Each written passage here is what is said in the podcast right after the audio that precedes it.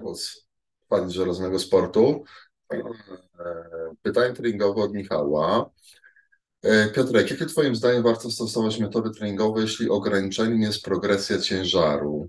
Piwniczna, domowa, siłownia. E, no tak, to, to, to przechodziłem, przechodziłem przez to w wieku 13 lat, kiedy miałem tylko jedną hantelkę, prawda, i trzeba było coś, coś wykombinować. Eee, da się, da się. Jak to mówią prawdziwy kulturystyki, moc szczotki się spompuje, także w Twoim przypadku też e, da się to zrobić. E, słuchaj, są jakby mm, trzy najważniejsze rzeczy, żeby wywołać hipertrofię mięśniową.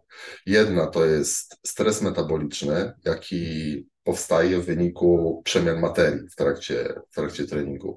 Druga jest to fizyczne uszkodzenie komórek mięśniowych i włókienek kurczliwych, e, które zachodzą też w trakcie procesu treningowego.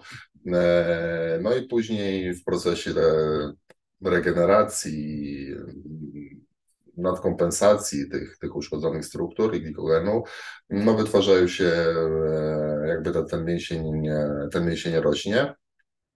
E, no i trzecia właściwie, to tak na siłę trzecia, ale, ale chciałbym tutaj szczególnie wyróżnić, to jest czas e, podniepięcia mięśnia, czyli time tension, tut tak zwany, o czym wcześniej gdzieś w którymś filmiku wspominałem, ale to jest kluczowe dla ciebie, ponieważ masz ograniczenie ciężaru. Więc co możesz zrobić? Masz e, w jak e, najkrótszym czasie przepompować jak najwięcej krwi przez mięśnie.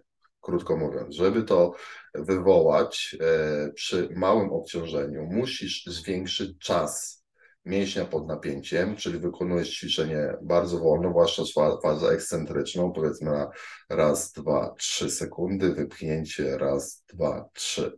Albo też również koncentryczną, czyli raz, dwa, trzy. Trzymasz, raz, dwa, trzy i już masz zwiększenie tego czasu napięcia mięśniowego, e, co bardzo będzie uszkadzało błony komórkowe, powodowało większy stres, zwłaszcza w tym metabolicznym, zwłaszcza w tym E, w tej fazie ekscentrycznej, prawda, czyli rozciągania, ale mięsień cały czas e, na skurczu.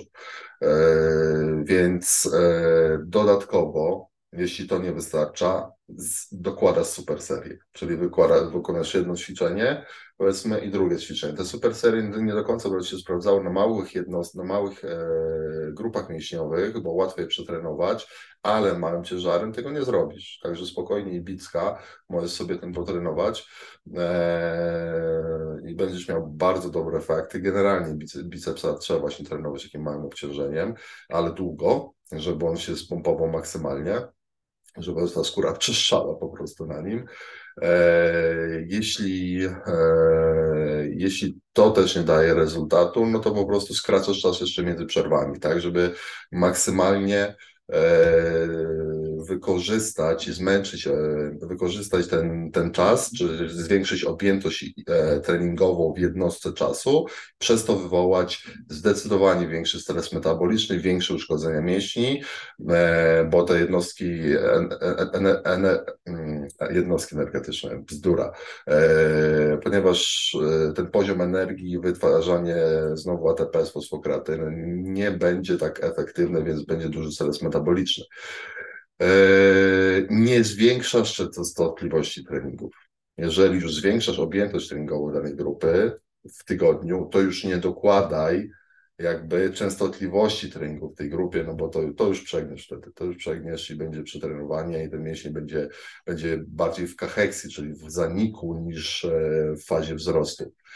E, jak ci to nie będzie wychodziło, no to zapraszam do Rzeszowa na zwiedzanie, a później na trening personalny. Tylko weź kogoś ze sobą, bo może być ci ciężko po tym treningu wrócić do domu. Żarcik, ale trochę w tym prawdy. Czuwaj.